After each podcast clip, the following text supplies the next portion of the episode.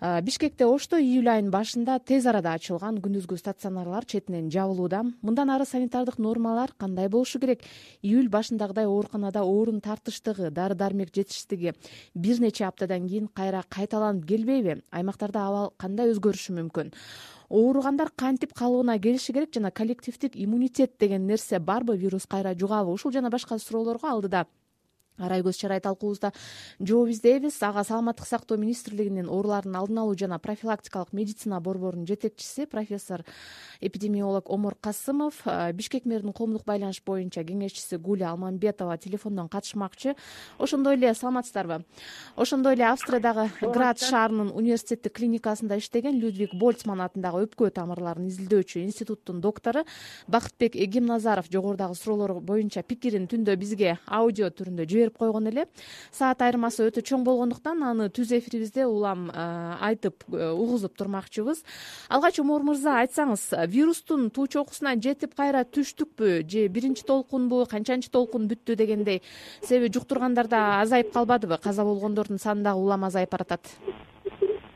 Омор мырза. Эми бу э, бул айткан көргөзчүлөрдүн эпидемиологиянын көргөзчүлөрү эмнени көргөзүп атат эми биз мындай э, эл аралык э, коом биринчи э, пандемиянын эмеси учурубу же экинчи деген азыр андай нерсе көргөзмөчүлөрдөн жок эмеси менен азыр биз келаткан эпидемиологиянын көзөмөлдөрү көргөзүп атат ылдыйлап баратканы өзүңөр айтып кеттиңер жаңы табылган бейтаптарды анан каза болуп калган э, кишилердин саны азайып баратат.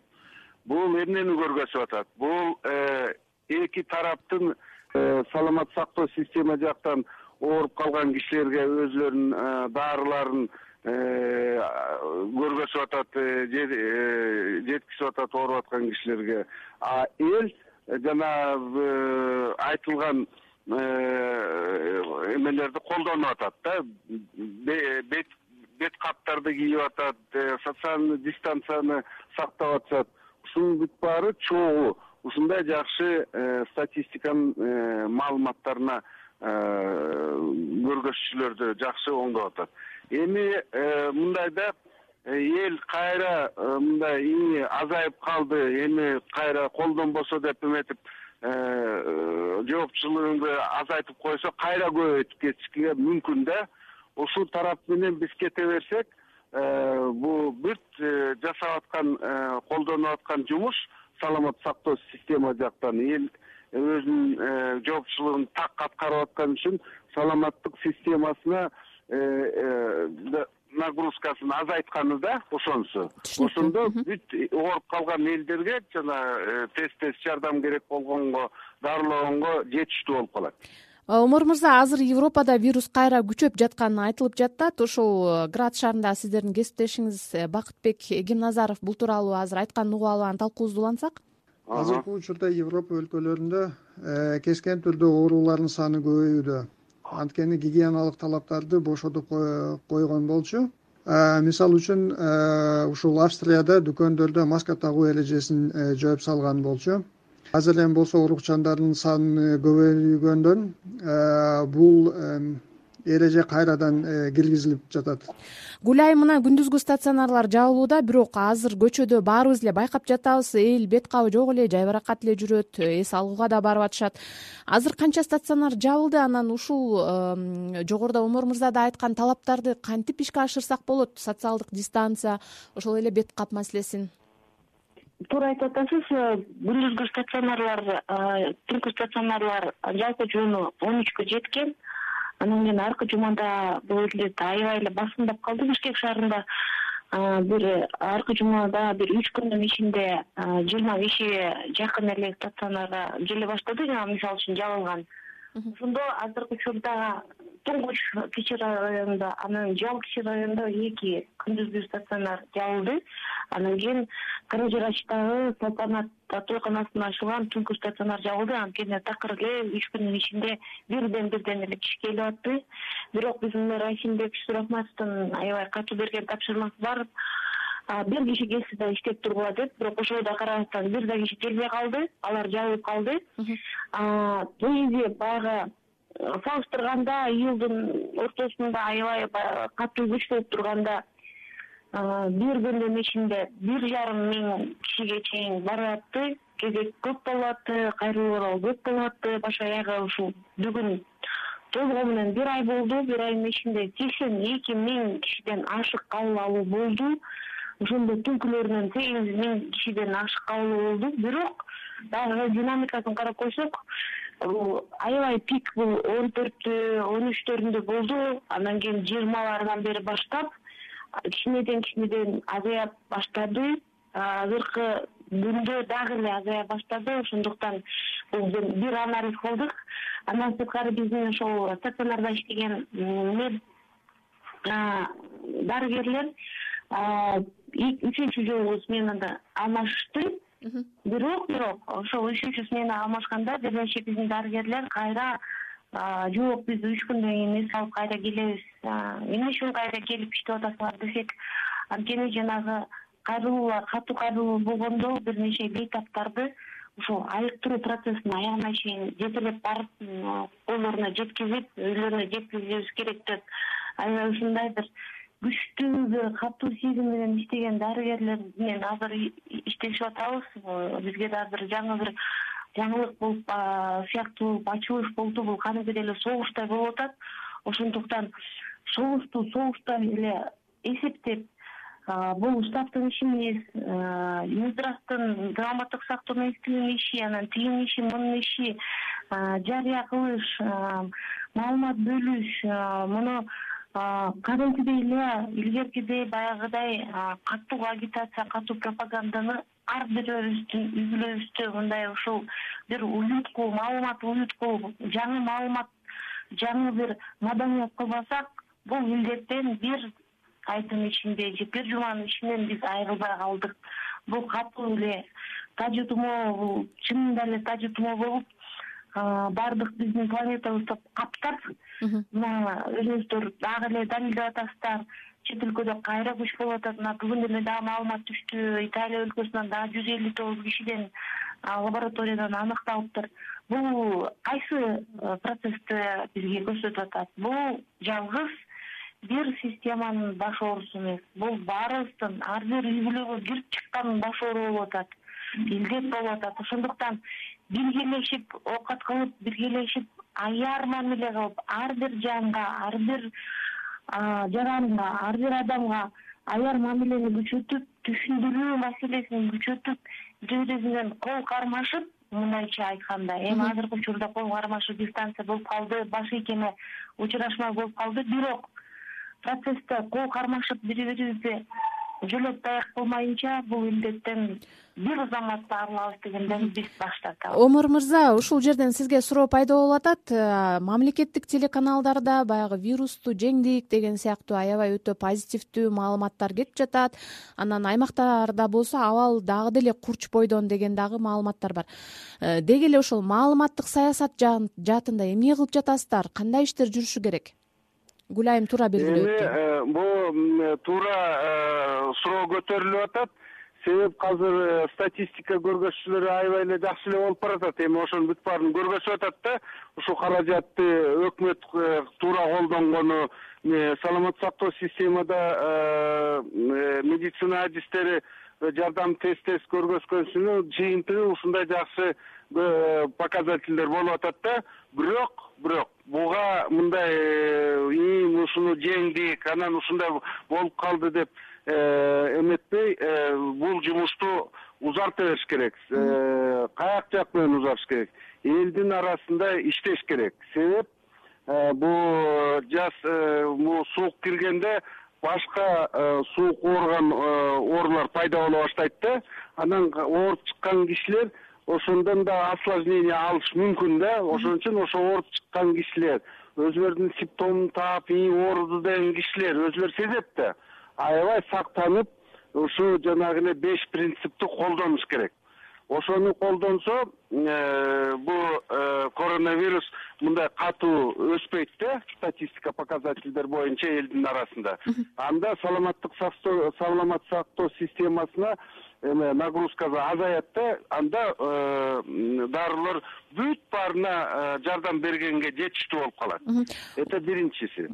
Экинчиси экинчиси экинчиси мындай да мына европада тиякта да кайра кайра эле көтөрүлүп атат тиги бул дегенден аны эмне көргөзүп атат? Көргөзүп атат эл сактанбай болгон нерсени унутуп алып кайра жана социалдык дистанцияны колдонбой бет капты кийбей гигиена эпидемиология э, режимдерди соблюдать этпей ошону да көтөрүлүп кетти. Биз бизде дагы ошондой мүмкүнчүлүк бар. Себеп азыр бүт баары эс алып жүрбөйбү. Ооба. Э, ошонун ичинен э, мына кайтыш болгон жарандарыбызга элибиз көп келип барып чогулуп алып ошолордон дагы кийин оору чыгышы мүмкүн. Жана жаш балдарыбыз дискотекага барып эметип ойноп күлүп азыркы аябай мындай коркунучтуу ошо э, э, жаш балдарыбыздан аябай көп жугуш оору э, ооруп кетиши анан кийин кайра ооруну күчөткөнгө эме эмеси бар да? Мүмкүнчүлүк бартыр ой туулуп атат ошол жактарды колдонбосо кайра ушу көтөрүлүп кетишке мүмкүн. Ошон үчүн мен дагы бир сыйра айтып атам. Азыр бул э, ооруну тез арада жеңе албайбыз бул бир жыл э, эки миң жыйырманчы жылдын аягына чейин жыйырма биринчи жылдын аягына чейин бул оору биздин жаныбызда жүрө берет и санитардык эпидемиологиянын эмелерин колдонуп эл э, азыр көп нерсе элден элден. Эл жакшылап колдонуп өзүн өзү сактаса бул оору күчөбөйт анда саламаттык сактоо системасы жетиштүү болуп бүт баарына жардам бергенге э, жетиштүү болот да бүт баары. Дары да жетиштүү болот кычкылтек да жетиштүү болот и э, мындай э, акыбал кайтыш болгон кишилердин саны азаят. Рахмат азыр бакытбек эгемназаров ушул айтмакчы. Дары дармек күндүзгү стационарлар жана кычкылтек жабдуулары боюнча дагы өзүнүн пикирин айткан эле ошону угуп алып дагы талкуубузду улантсак кыргызстанда оорукчандардын саны азайып стационарлардын жабылып атканы бул аябай сүйүнүчтүү жаңылык бирок мындан ары өзүбүздү бош э, сезген э, болбойт. Себеби инфекциянын экинчи толкуну э, болоорун дүйнөлүк адистери эскертип жатат. Күзүндө суук түшсө вирустук оорулар кайрадан күчөйт. Ошонун арасында анан ковид инфекциянын саны дагы көбөйөт. Мындан улам экинчи толкунга абдан бышык даярдануубуз керек эң негизги азыркы мына болуп өткөн биринчи толкунду дарылоо стратегиясын анализ кылышыбыз керек.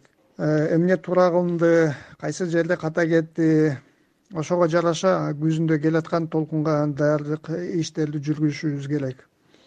Мисалы үчүн жолду мына эптеп э, дезинфекция кылган менин оюмча Э, көп ресурс жеди бирок пайдасы аябай аз болду. Ошого кеткен акчаны ошол эле мына маска же мына сиз средства индивидуальной защитыларды э, сатып алып биздин дарыгерлер камсыздарлык кылса пайдасы көбүрөөк болмок. Албетте даярданып мына дары дармектердин ошол эле сиздердин запастарын камдоо зарыл адистердин арасында мына тажрыйба алмаштыруу иштерин жүргүзүш аябай зарыл ооруканаларды куруп э, перепрофилирование кылып э, отделенияларды э, койкалардын санын санын көбөйтүш керек. Ошого жараша анан даяргерчилик жакшы болсо биринчи жолу болгондой абал болбошу керек. Анткени биздин эл мына биздин медицина системасы аябай татаал система ситуациядан өттү көптү үйрөндү андай кыйынчылыктар менен алышканды үйрөндү гүлайым ушул стратегияга келгенде да азыр кандайдыр бир иш аракеттер жүрүп жатабы ошо даярдыкка байланыштуу себеби биз баягы июль айында өтө агым менен эле иштеп аттык да ошол күнүмдүк саатына минутуна эле болуп жаткан талаптар мененчи биринчиден мен сиз менен макул эмесмин июнь июль айында ушундай болот деп биз билип эле турганбыз. Анткени биз бишкек шаарынын аймагында бул эпидемиолог инфекционист анан патолог менен биз кайра кайра жолугушуу өткөзүп катуу даярдыкты катуу эле көрүп ошол катуу даярдыкты көргөн үчүн күндүзгү стационарды бирден да ачып койдук. Биз кичине уруксат э, сурап кичине күтүп калдык.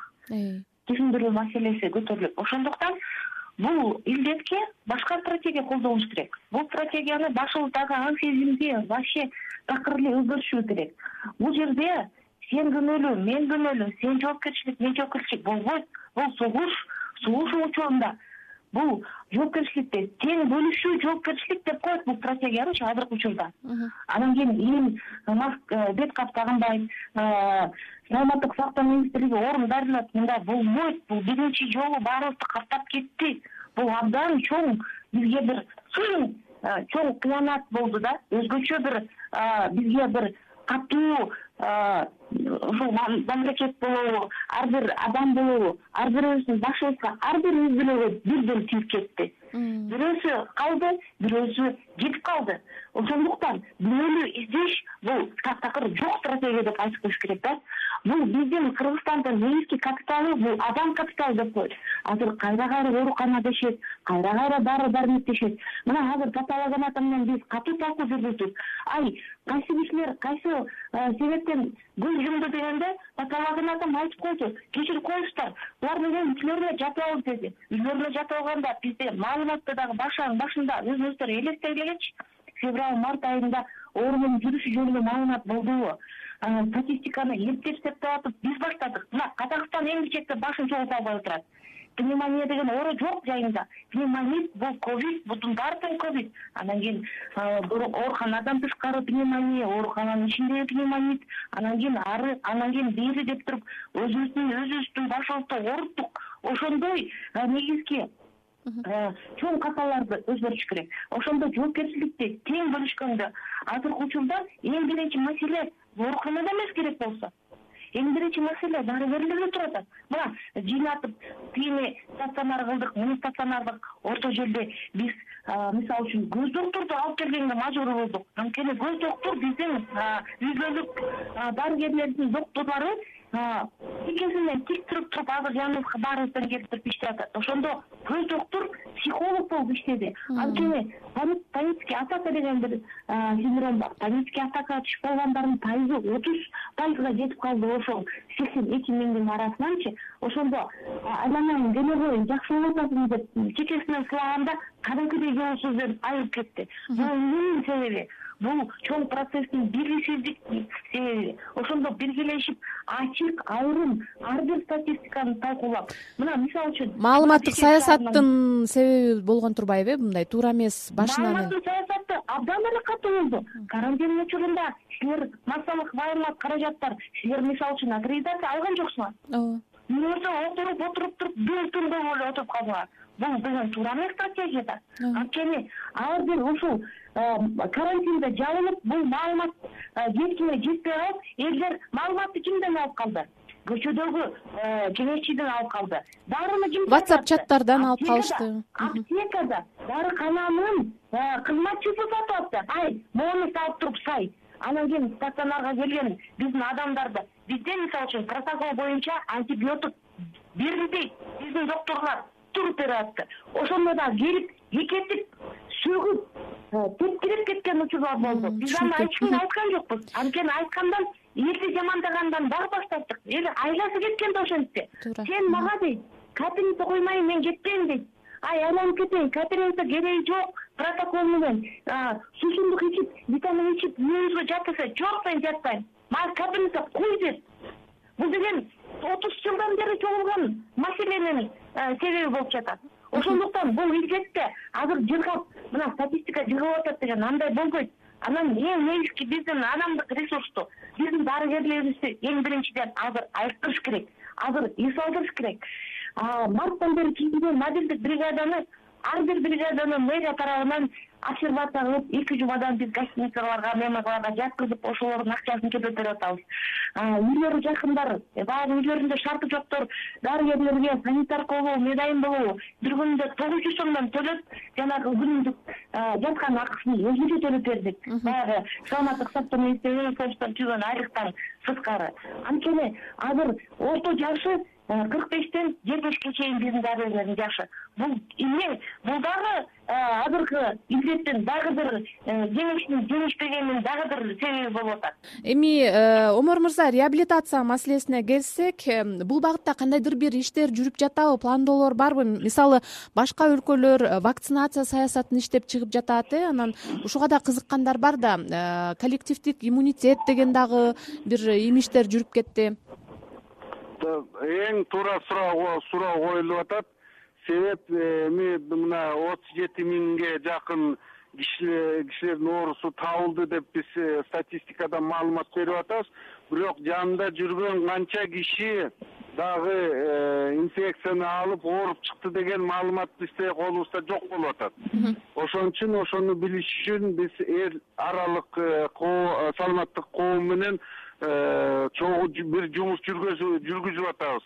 Скрининг ифа система менен жана ооруп жаткан кишилерди билинбеген кишилердин канын чогултуп ошо коронавирустун антителосуна изилдөө жумуш башталды.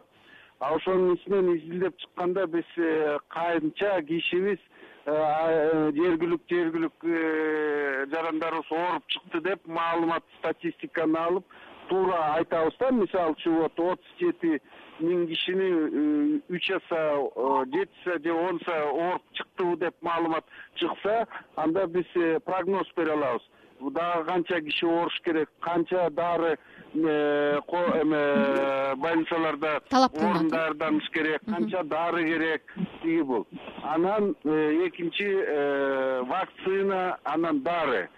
Эл аралык информациондук маалымат боюнча тиги өлкө бул өлкө мындай дары чыгардык бул деп айтылып атат. Бирок ал э, клинический протокол менен так такталган жок. Мына орусиядан бизге жардамчы келген адистер дагы ошону көргөзүп атат. Э, вакцина мен э, айтып эле кетейин эми жаныбызда кошуналарыбыз орусиябыз же англияда оксфордский университет моундай вакцина чыгардык деп маалымат берип атат. Бирок билимдүү адистер айтып атат жакында ал боло тургандай нерсе эмес. Эң жакында боло турган вакцина чыгып калса ал могу жылдын аягында чыгышы мүмкүн да. Бирок ал жакшы мындай изилдөө жумушу менен кийинки элге ошону колдонгон вакцина менен кайра э, ден соолугун күчөтүп жүрбесин деген маалымат такталбайынча эл аралык андай вакцинага жол бербейт. Жол бербейт. Дагы бир айтып кеткеним мындай да могу кышкы э, күзгү э, эмеге аябай катуу даярдоо көргөзүп атат. Саламаттык сактоо система жактан кандай даярдык? тиги мына элибизде элибизде ошого даярданыш керек. Өзүн сактоо алдын алуу эмелерди колдонуп даярдоо көргөзүш керек да. Ошону менен массалык маалымат ошол жак менен иштеш керек да эл менен. Омор мырза жок дегенде сасык тумоонун вакцинасын алып коюш керекпи же кандай кылыш керек? Кыскача эле жооп берип коесузбу ан үчүн да мамлекет э, каражат бөлдү. Где то э, бир миллионго жакын доза бөлдү. Аны бөлгөндө сөзсүздөн э, медиктер алынат ошо вакцинаны грипп боюнча жана эме пенсионерлер мугалимдер дагы. Бирок э, алдын алуу элге айтылып атат каражатыңар болсо Э, мамлекетти күтпөй өзүңөр да жасатып койсоңор. Рахмат э, рахмат биздин убактыбыз аягына чыгып калды. Биздин бүгүнкү талкууга оорулардын алдын алуу жана профилактикалык медицина борборунун жетекчиси омор касымов бишкек мэринин коомдук байланыш боюнча кеңешчиси гуля алмамбетова жана австриядан э, доктор бакытбек эгемназаров катышты талкууну мен бактыгүл чыныбаева алып бардым. Саламатта туруңуз